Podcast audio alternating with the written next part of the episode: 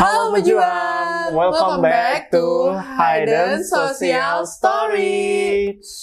Tunggu dulu, bukan hidden, hidden. Hidden. Oke oke.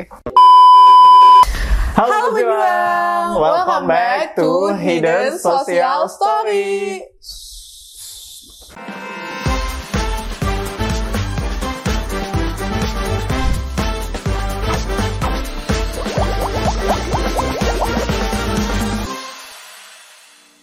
Oke, nah em, kenalin gue Agung. Dan gue Jessica. Nah, kita akan bacain cerita-cerita di episode Hidden Social Story di mana kita bacain cerita-cerita dari sudut pandang gitu ya. Sudut pandang yang beragam, cerita-cerita tentang kerelawanan. Nah selain itu juga uh, kita juga bakal nge-review dan nge-reaction cerita yang udah teman-teman kirim nih di, dari uh, Instagram @akademirelawan.id. Oke, nah di episode episode 2 kali ini uh, kita udah be- masuk beberapa cerita dan kita tolong banget kirim lagi karena masih kekurangan ya dan episode kemarin tuh yang dengerin baru 4. Oh iya, nah buat teman-teman uh, terus dengerin cerita kita atau bisa kirim-kirim cerita teman-teman juga nih. Linknya nanti bakal kita Hmm. insert di bawah sini. Oke, nah Oh iya ngomong-ngomong stage kita baru lagi nih. iya kemarin, kemarin, tuh outdoor pemandangannya uh, green green uh, lebih gitu terus kayak di halaman belakang rumah seseorang gitu ya. Hmm, kalau sekarang udah pakai Uh-uh. bean bag agak-agak ala-ala podcaster Iya, Gen sekarang Z di gitu loh. eh, ruang tamu rumah seseorang. yang pasti bukan rumah gue. Kayaknya besok beda lagi nih stage-nya nih. Baru Beda kita- lagi? Iya, kemungkinan. Stay tune aja terus nih video kita. Oke, nah eh, kita juga hari ini ada sponsor yang masuk, Eh, sponsor gitu ya. Ini dari Kepikiran Kopi. Kepikiran Kopi, ada tagline-nya nggak sih dia? Misalnya kayak pahit kopi mau kenangan apa gitu. Nggak ada ya? Ya, pokoknya kalau kalian aus dalam bercerita-cerita, jangan lupa ya. minum kepikiran kopi. minum dulu ya. Kita udah briefingnya lama banget tadi. Haus. Yang lagi kepikiran, kepikiran hidden social story. Hmm. Order kepikiran kopi. Hmm. Hmm. Minuman minuman adat rakyat Jaksel kopi es kopi susu Hmm, kepikiran kopi. Pokoknya ya gimana review rasanya sedikit? hmm, creamy enak Oh, oke. iya, enak.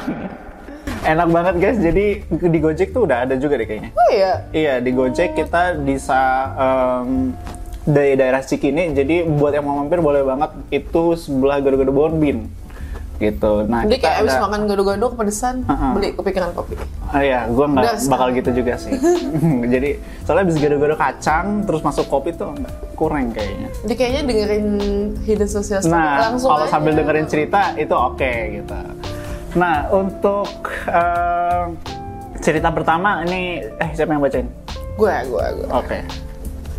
jadi kita coba kita cek dulu cerita pertama tuh datang dari mana Oke, yang masuk ini ada 6 ya eh, Iya. sejak dari minggu kemarin. Mm-mm. Coba kayak kita lihat dulu pengirimnya itu temennya Kaila. Wah, siapa temennya Kaila? Siapa yang namanya Kaila di sini? Ada yang namanya Kaila? Nah, temennya Kaila itu temennya eh, Kaila. ceritanya gak tahu mau kasih judul apa, nggak pernah ikut organisasi soalnya.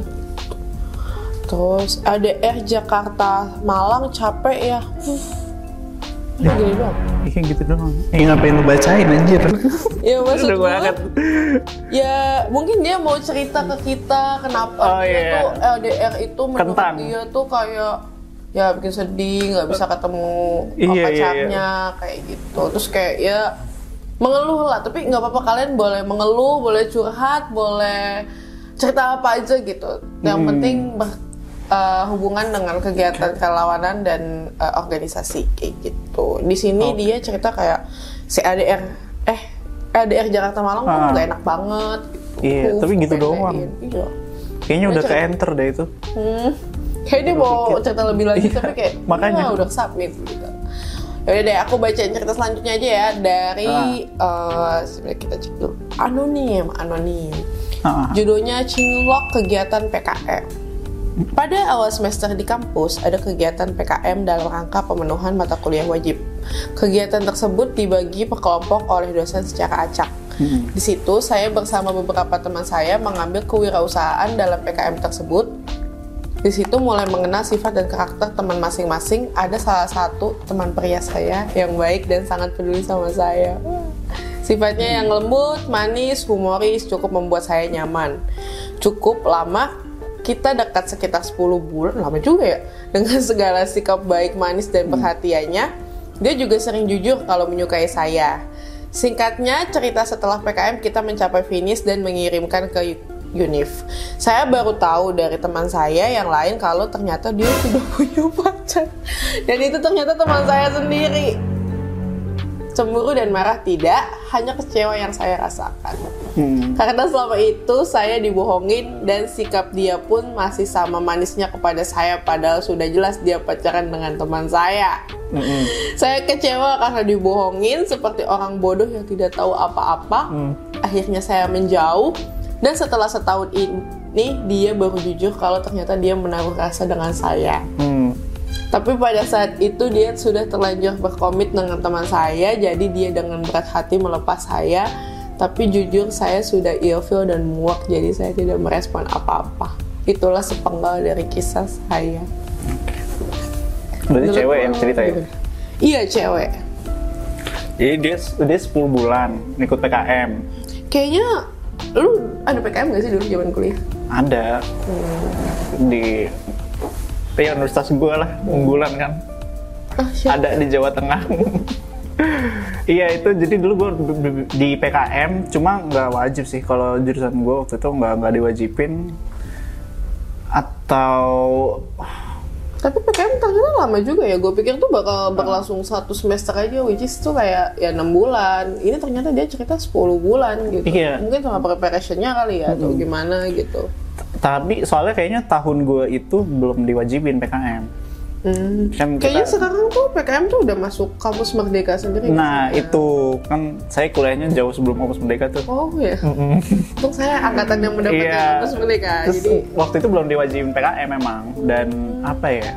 Kayak dia kayak kayak bonus aja buat mahasiswa mahasiswa yang rajin. jadi kayak lo ikut suku enggak ya udah gitu. Enggak ya udah, gue juga cuma dengar selintas selintas aja gitu dulu PKM. Tapi emang PKM tuh kalau di kampus gue sendiri ya pilihan. Jadi kan kayak setahu gue programnya kampus apa Merdeka itu kan Oh, banyak kan. iya, iya. Ada magang, ada studi independen, ada ya PKM juga termasuk. Jadi kayaknya kita tuh kayak bisa milih gitu loh kayaknya. Mhm. Kayak lu mau milih magang atau mau Iya milih sih. PKM Bayang atau mau sih ya. milih apa kayak.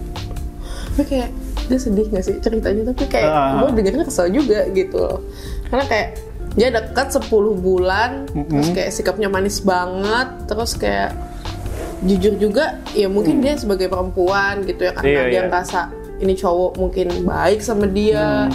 beda sifatnya dia dengan teman-temannya yang lain ke dia gitu ya terpikat gitu loh terus Iya, kayak iya. ternyata dia sudah punya pacar dan itu ternyata teman saya sendiri kayak Mm-mm. Nah makanya PKM itu kan dia 10 bulan ya. Mm. Itu tuh kayak lintas fakultas gitu nggak sih? Apa apa harus satu fakultas yang sama gitu? nah itu gue nggak tahu karena gue nggak ikut PKM Iya sama aja dong. Katanya udah kampus merdeka. Eh tapi gue ikut program lain waktu di Oh, kampus oh, Merdeka. oh, milih, milih, Ah, oh. bisa milih. Dan emang waktu Oh, itu iya, tahu iya, gue tuh. PKM itu nggak tahu ya waktu itu sih teman-teman gue itu kita kelompoknya itu kayak bikin sendiri terus nanti Iya iya iya. ini ini koreksi aja ya kalau salah ya gitu. Jadi Hmm. kayak jadi waktu itu gue ngeliat kayak teman gue 5 5 sampai 6 orang bikin kelompok terus mereka bikin dia project kewirausahaan habis Hmm. itu mereka submit proposal Hmm. udah habis itu Oh iya iya iya. jadi kan Oke. otomatis berarti dia sudah kalau mungkin kalau di kampusnya si pengirim cerita ini dipilihin gitu Tapi Iya, kita iya. nggak tahu I see. gitu Oh, iya, iya. kan Nah, Iya sih. Dan emang gue pernah baca kayak riset gitu. Ya bukan riset atau atau artikel atau something gitu ya. Ka- Kalau orang-orang yang eh, menyelesai menyelesaikan sebuah masalah atau kesulitan bersama-sama itu memang cenderung dia lebih dekat.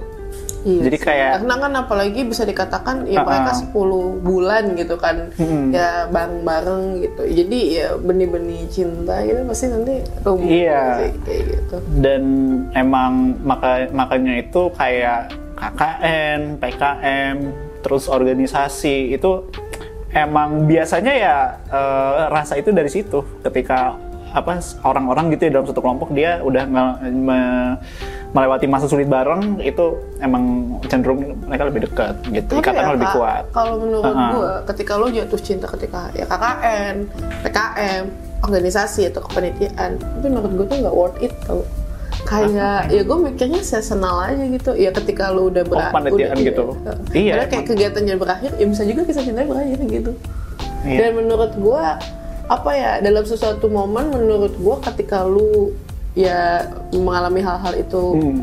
ketika apa namanya ketika kita sedang melaksanakan organisasi atau apa pun itu Ya. ya menurut gua nanti ada satu momen ketika lu tuh seharusnya being profesional tapi lu kecampur-campur Oh, sama iya, iya, iya. kayak gitu iya iya iya jadi kayak kebayang ya kadang menyusahkan beberapa pihak aja sih Mhm. gue mikirnya kayak gitu oke tapi emang tapi lo rata-rata sendiri pernah ber pernah pernah dong oh sampai sekarang Hmm, apa sampai sekarang Oh. Hmm.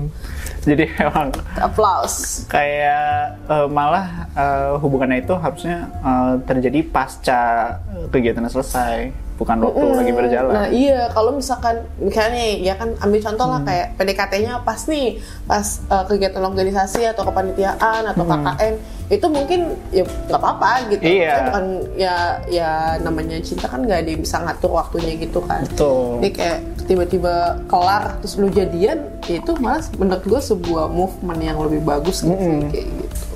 Gitu Tapi dia di sini tuh kayak dia cerita ternyata dia tuh dibohongin.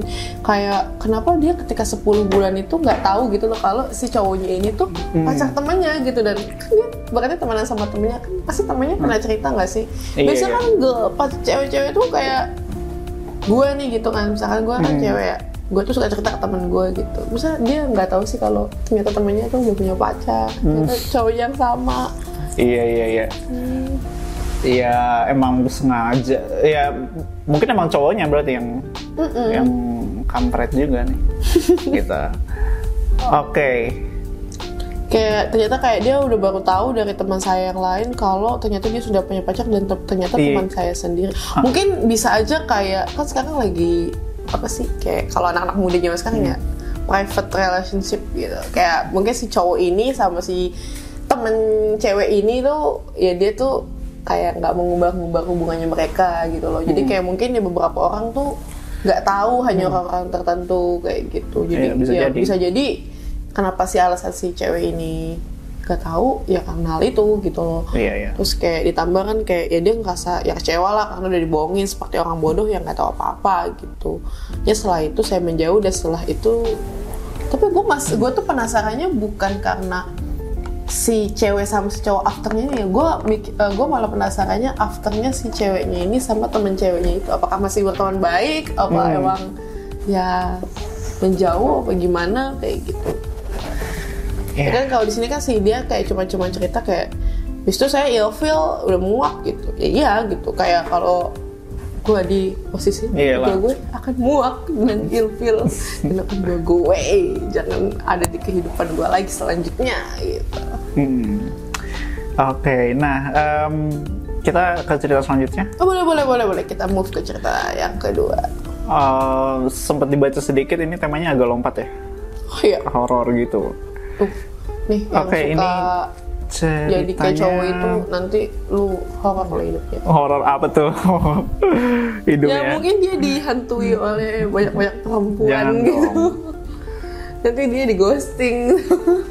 Nah cerita selanjutnya ini anonim ya, nggak masukin nama. oh ya, dia anonim juga. Judul ceritanya makhluk halus negeri jiran. Hmm. Oke, Malaysia ceritanya dong. internasional nih. Hmm.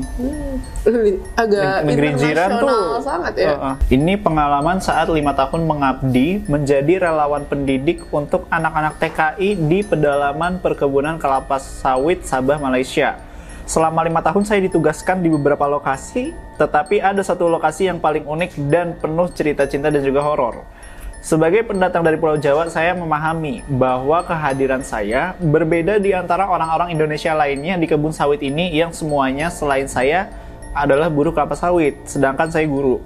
Atas perbedaan itu saya mengerti akan ada banyak yang tertarik untuk mendekat. Ada yang menyatakan cinta lewat SMS jam 12 malam. Tidak saya ladeni. Ada yang mencoba mendekati dengan alasan pernah bertemu sebelumnya lewat mimpi. Juga tidak saya tanggapi karena dia istri orang.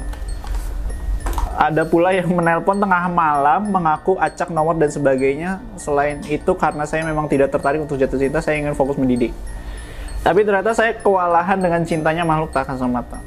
Saya diberi tempat tinggal, sebuah rumah tiga kamar, tepat menghadap perkebunan sawit. Agak lurus beberapa meter, ada sungai batu mengalir jernih. Di rumah tiga kamar itu saya tinggal sendiri, benar-benar sendiri, mengajar pun sendiri. Satu kamar dipakai untuk tidur, kamar paling depan untuk ruang kerja, dan satu kamar lagi di sebelah kamar tidur dibiarkan kosong.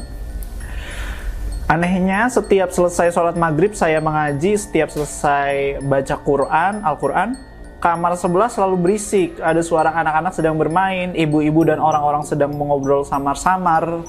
Tapi setiap berhenti mengaji, suara-suara itu pun seketika senyap. Awalnya curiga, tapi lama-lama terbiasa asal tidak mengganggu. Tapi ternyata tidak cukup di situ. Saya pernah bermimpi bertemu seorang perempuan di kamar mandi memakai selendang hijau yang mengaku bernama Ine dalam dalam mimpi tersebut saya sampaikan sama Ine agar menjalani kehidupan masing-masing dan tidak saling mengganggu. Ine pun tersenyum lalu pergi. Tapi ternyata setiap malam Jumat tepat tengah malam jendela kamar selalu digedor. Jendela kamar terbuat dari kaca sliding. Awalnya tidak ditanggapi, mungkin orang iseng ya. Selalu saya tinggal tidur, tapi gangguan itu selalu datang setiap malam Jumat sekitar jam 12 sampai jam 1 malam. Sampai akhirnya pada malam Jumat kesekian saya sudah lelah, sudah bosan diganggu, saya ingin tidur nyaman, tempat tengah malam saat saya tidur nyenyak, jendela kamar kembali digedor. Saya coba intip dari gorden, tidak ada siapa-siapa. Saya kembali ke kasur, jendela digedor lagi, membuat saya emosi memuncak. Jendela seketika saya buka, saya melawak keluar jendela dan memaki siapa pun yang mengganggu tidurku. Setelah itu jendela saya tutup dan saya bisa tidur nyenyak. Gangguan itu sudah hilang. Esok harinya saya tidak bisa bangun, badan menggigil, tulang terasa ngilu, perut perih, napas sesak, demam tinggi. Hari itu tidak ada pembelajaran karena saya sakit. Sore hari baru saya dibopong ke rumah penduduk atau keluarga angkat ya. Setelah saya meminta bantuan karena sudah tidak tahan, saya dibawa ke RS, diinfus hingga membutuhkan perawatan dan pemulihan di rumah selama dua bulan. Selama saya sakit, banyak yang bercerita bahwa tetangga melihat perempuan-perempuan berselendang berduyun-duyun pergi ke rumah tempat saya tinggal. Bahkan bapak angkat saya diteror lewat mimpi oleh dua perempuan sosok ular yang mengatakan, Jangan ikut campur, ini urusan saya dengan dia. Saya juga selalu bermimpi setiap malam dikejar dan diikuti sosok perempuan. Usut punya cerita, rumah tem tempat saya tinggal dulunya terdapat sumber air mengalir dan pernah digunakan oleh penduduk asli setempat berkepercayaan paganisme sebagai tempat pemujaan dengan meletakkan sesaji tapi kemudian ditutup dan dibangun total untuk rumah pekerja. Setelah kejadian itu dan sembuh total, saya putar balik dan kembali ke Indonesia atas saran orang tua karena terindikasi disukai makhluk halus. Sekian. Oh, ini cinta. Iya, cinta. Cintanya Masuk. tapi agak serem banget. Iya. Gue kadang-kadang merinding loh kata di pas lu bacain ceritanya. Iya. Kayak, iya. cantik banget gitu loh. Sampai Hah? Dia kayaknya cantik banget sampai bukan manusia menyukai dia. Dia cowok dong. Oh dia cowok? Iya kan tadi dibilang ada yang deketin juga tapi istri orang istri orang berarti kan yang deketin dia cewek. Hmm. Nah, dia cowok dideketinnya sama makhluk halus yang cewek gitu. Hmm. Tapi emang kayak berarti kan cakep banget gitu sampai lu disukain Iya bisa yang... jadi, tapi ya setahu gue emang makhluk nggak belum tentu soal dari fisik doang sih, lebih ke aura gitu-gitu nggak sih? Iya sih, tapi kan dia ini juga ya sholatnya kan rajin ya bisa dikatakan kayak tadi kan, hmm. kan kayak ibadahnya rajin, tapi kayak wow serem banget.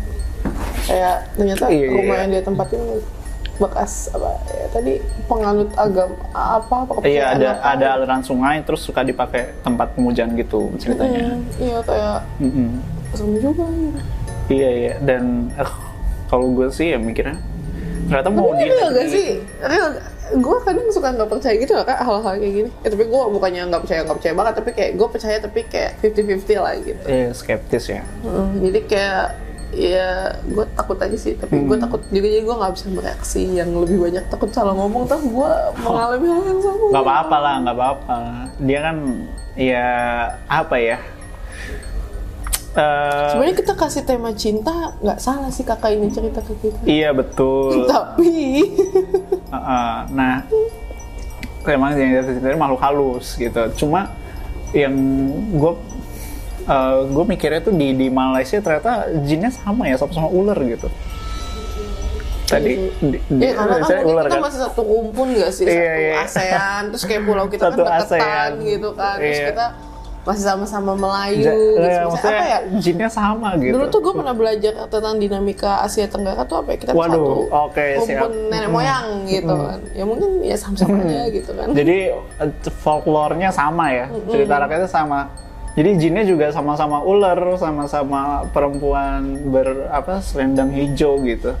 gue nggak ngebayangin sih kalau jadi dia yang sampai diikutin, Iya. disukain kayak Nah, gitu. terus kenapa jin kayak gitu tuh identiknya warna hijau? Iya nggak sih? Iya sih. Warna apa lagi ya? Ya, mungkin teman-teman Warna ada yang merah.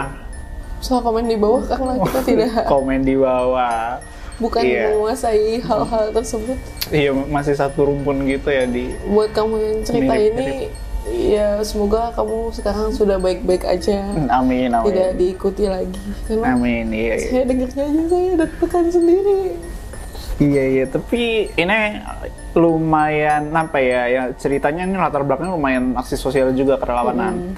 Karena kan dia ngajar ya lima tahun eh, anak-anak TKI di negeri jiran, di mana eh, itu benar-benar lingkungan baru.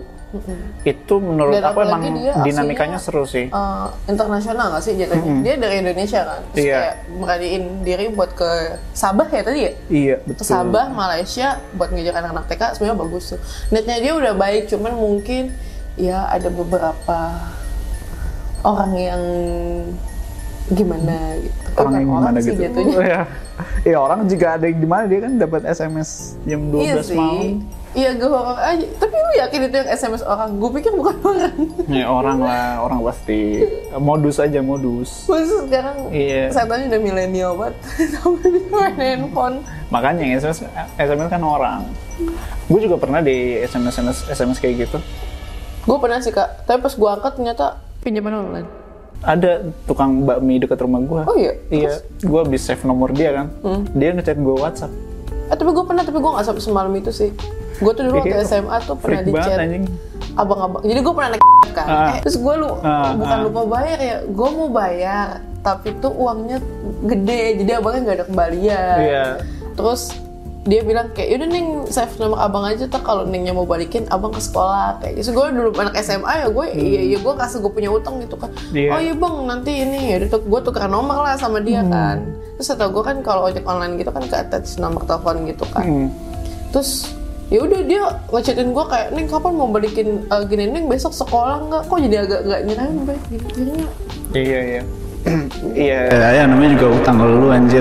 Iya sih Ya, tapi lah. iya, tapi tuh maksud gue ya kalau dia mau ngagih utang ya gue kan kata dia kan nanti Ah. janjian aja neng ya kan gue setiap Oh, hari iya, iya, sekolah I see. gitu kan terus gue tinggal bilang kalau gue mau udah mau pulang sekolah bang hari ini narik nggak kayak gitu saya eh, mau bayar utang nih kenapa dia ngechat gue jam 12 malam kan agak creepy gitu Iya, betul. Jadi kalau yang ngechat-ngechat di jam-jam segitu ya uh, pasti creepy lah. Tukang bakmi juga, gue juga ngechatnya gitu. Oh, iya? Percaya nggak percaya? Ya, ah. Ngechatnya gimana? lagi ngapain? Lah, Sumpah, ih gue mah langsung skip banget. ya. Mana bakminya enak lagi. Lu lagi ngapa-ngapain, urusannya sama dia apa gitu. Iya, iya makanya, makanya kan. Dia mau ngirimin lu bakmi kali kakeknya. Makanya, Kali jadi- aja dia mau nanya kayak lagi ngapain, terus habis itu kayak misalkan lu bilang kayak lagi kerja nih gitu. Udah makan Iya, belum? iya. Mau saya kirimin bakmi Cowok, gitu. cowok kan. Kan cowok yang ngechat. Iya. Demi apa sih? Itu tambah serem sih kamu ah, gue. makanya gue skip banget kan. Kecuali kayak dia ngechat, "Bang, mau pesan bakmi nggak baru?" Iya, mungkin bridgingnya lebih halus gitu ya. Bang udah makan belum gitu kan. Mau pesan bakmi iya, saya kan iya, bisa kayak gitu maksudnya ya. Ini lagi ngapain dari ini tukang bakmi. Sumpah dah. Oke, nah eh, buat bacain ceritanya kayaknya udah nih kita dua cerita di hari ini dan tentunya akan bacain lagi besok-besok eh, sesuai dengan submit cerita yang masuk. Hmm, jadi buat teman-teman sekalian yang mau ceritanya dibacain juga sama kita, terus kita review, kita kasih reaction, dan mungkin teman-teman juga bisa nih kayak curhat mungkin kayak misalnya kalian ya punya pacar atau punya crush atau punya mantan yang kalian tuh eh, mungkin kangen ataupun emang kayak pengen mengungkapkan cintanya tapi gengsi bisa lewat kita ceritain ke kita juga kayak gitu. Iya betul. Nah em, kalau buat submit cerita tadi, eh lu udah nyampe nggak sih blip bitly di mana ya? Eh Bitly-nya tuh di eh, NK And CTAS hmm, HSS. Nanti Iya. kita bakal taruh link di bawah ini atau cek aja di Instagramnya @akademirelawan.id. akademirawan.id gitu. Nah, kita juga lagi kerjasama nih sama campaign.id. Jadi buat teman-teman yang mau melakukan aksi sosial sekaligus berdonasi itu bisa banget download campaign eh, aplikasi campaign.id itu yang hati warna biru. Nah, terus nanti search aja untuk campaign cerita aksi sosial. Di situ teman-teman bisa nyelesain challenge dan berdonasi eh, tanpa mengeluarkan uang untuk eh, program-programnya akademirawan.id. Nah, uh, challenge campaign.id ini juga kalian bisa cek di uh, Instagram @akademirelawan.id. Iya betul. Oke, nah kalau kayak kalau gitu kita udah semua ya.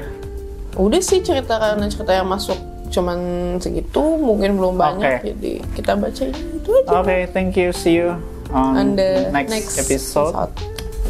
Dadah. Dadah. Salam berjuang.